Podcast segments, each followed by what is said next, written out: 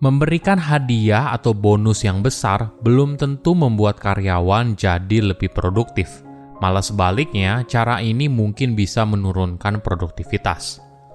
Halo semuanya, nama saya Michael. Selamat datang di channel saya, Si Kutu Buku. Kali ini saya akan bahas bagaimana cara memotivasi karyawan agar bekerja lebih produktif. Ini merupakan rangkuman dari video TED Talk dan Ping yang berjudul The Puzzle of Motivation dan diolah dari berbagai sumber. Dalam bisnis, ketika kita perlu mencapai target penjualan tertentu atau ingin karyawan mampu menghasilkan inovasi terbaru, sering kali cara mudah yang diambil manajemen adalah dengan menawarkan insentif atau bonus sebagai motivasi. Semakin tinggi target yang ingin dicapai, maka bonus yang ditawarkan semakin besar. Apakah ini cara yang tepat? Riset membuktikan menawarkan bonus tinggi pada pekerjaan yang butuh kemampuan kognitif dan kreativitas justru malah membuat kinerja orang itu menurun. Beda halnya dengan pekerjaan yang sifatnya mekanikal dan repetitif. Semakin tinggi bonus tersebut, maka kinerjanya meningkat. Inilah perbedaan antara apa yang diketahui oleh Sains dan tempat kerja. Justru ketika seorang diberikan kebebasan untuk menentukan cara dia bekerja, kapan dia bekerja, dan di mana dia bekerja, orang tersebut jauh lebih produktif. Sebelum kita mulai, buat kalian yang mau support channel ini agar terus berkarya, caranya gampang banget. Kalian cukup klik subscribe dan nyalakan loncengnya. Dukungan kalian membantu banget supaya kita bisa rutin posting dan bersama-sama belajar di channel ini. Apakah kau pernah kesulitan untuk memotivasi dirimu mengerjakan sesuatu yang tidak kamu sukai? Tentu saja, dalam kondisi di mana kamu harus memberikan hasil yang baik, tekanan ini bisa saja membuatmu berhasil. Tapi, cara ini sayangnya tidak bisa digunakan dalam jangka panjang. Kemungkinan besar kinerjamu akan terus menurun di masa depan. Sama halnya dengan dunia kerja perusahaan masih sibuk dengan cara tradisional, yaitu sistem hadiah hukuman untuk memberikan motivasi karyawan. Apakah cara ini masih efektif di dunia kerja modern? Ada sebuah riset yang menarik. Eksperimen ini dikenal dengan candle problem dan pertama kali dicetuskan oleh psikolog bernama Carl Dunker pada tahun 1945. Eksperimen ini sering digunakan oleh banyak eksperimen lainnya dalam bidang sains perilaku. Begini cara kerjanya. Para peneliti membawa setiap responden ke sebuah ruangan satu persatu, lalu mereka diberikan sebuah lilin, beberapa paku payung di dalam sebuah box kertas, dan beberapa korek api. Tugasnya adalah mereka harus menempelkan lilin di dinding, agar waxnya tidak jatuh ke meja. Apa yang kamu lakukan? Banyak orang mungkin memakul lilin ke tembok dengan paku payung, tapi cara ini tidak berhasil ada juga yang melumerkan bagian belakang lilin lalu menempelkannya ke tembok, tapi bukan cara yang tepat. Akhirnya, 5 hingga 10 menit berikutnya, kebanyakan responden sudah tahu apa solusinya. Nah, eksperimen yang sama dilakukan oleh seorang ilmuwan bernama Sam Gluckerbergs di Amerika Serikat. Tujuan riset ini untuk menunjukkan kekuatan dari insentif – jadi, peneliti mengumpulkan para responden dan dia akan mencatat waktu berapa lama yang dihabiskan untuk mengerjakan tugas itu. Di grup pertama, peneliti hanya bilang kalau dia hanya mencatat waktu untuk mengetahui rata-rata berapa lama yang dibutuhkan seorang untuk mengerjakan tugas tersebut. Tapi di grup kedua, peneliti bilang kalau responden yang berhasil masuk dalam kelompok 25% orang tercepat, maka masing-masing akan mendapatkan Rp75.000 tapi bagi yang tercepat akan mendapatkan Rp300.000. Apa hasilnya? Mana grup yang lebih cepat? Ternyata di grup kedua, secara rata-rata mereka mengerjakan tiga setengah menit lebih lama daripada grup pertama. Hasil ini berlawanan dengan asumsi orang pada umumnya.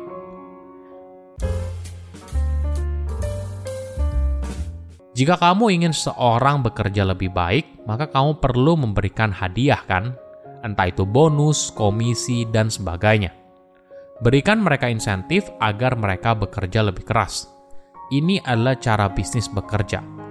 Tapi anehnya, kadang efek insentif justru bertolak belakang. Insentif malah bisa membuat pemikiran seorang jadi tumpul dan menghambat kreativitas. Apa yang terjadi? Sistem hadiah atau insentif secara alamiah membuat fokus kita jadi sempit dan membuat pikiran jadi penuh konsentrasi. Ini yang membuat berbagai pekerjaan tertentu berhasil menggunakan metode tersebut. Tapi tidak semua situasi butuh pendekatan hadiah atau insentif. Apalagi jenis pekerjaan yang membutuhkan kamu untuk melihat sekeliling, bukan fokus ke satu hal. Ini adalah tantangan kerja dunia modern ada riset yang menarik. Para peneliti mengajak para responden untuk bermain berbagai jenis permainan. Ada yang berhubungan dengan kreativitas, keahlian motorik, dan konsentrasi. Lalu, para peneliti memberikan tiga tingkatan hadiah: kecil, sedang, dan besar. Apa hasilnya? Untuk permainan yang hanya membutuhkan keahlian mekanikal, maka bonus atau hadiah bekerja seperti yang diharapkan Semakin besar hadiah, maka semakin baik kinerjanya. Tapi ketika sebuah permainan yang berhubungan dengan kognitif, semakin besar hadiah, kinerjanya malah semakin buruk. Ini yang menarik. Ketika apa yang sains ketahui dengan apa yang bisnis jalankan bisa sangat berbeda. Di era sekarang, solusi untuk membuat seorang lebih produktif bukan lagi dengan hadiah yang lebih besar atau ancaman yang lebih kejam, tapi kita butuh pendekatan yang berbeda.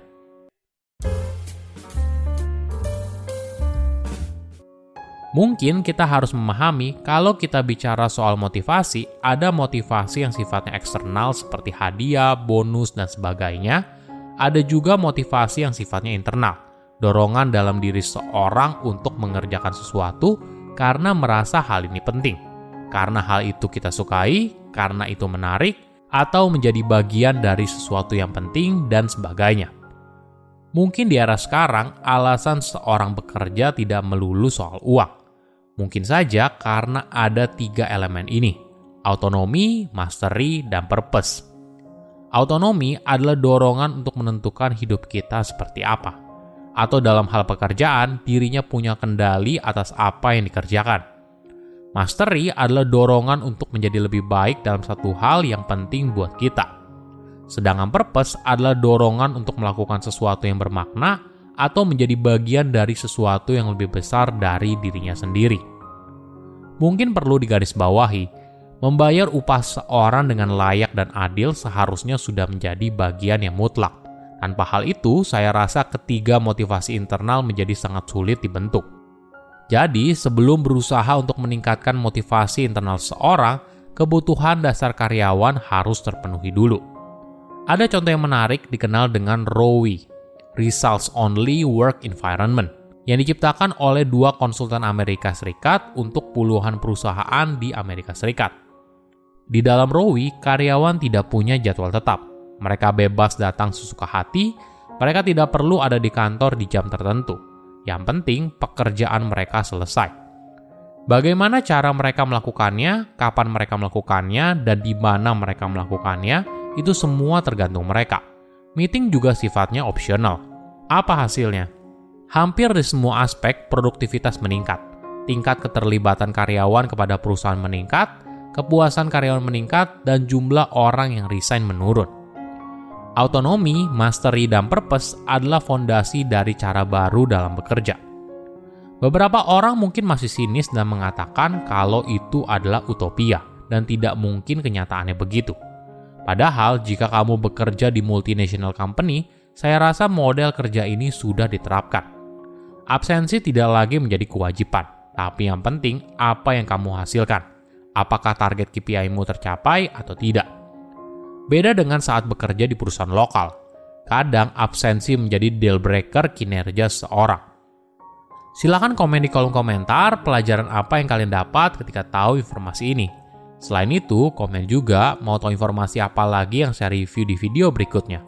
Saya undur diri, jangan lupa subscribe channel YouTube Sikutu Buku. Bye bye.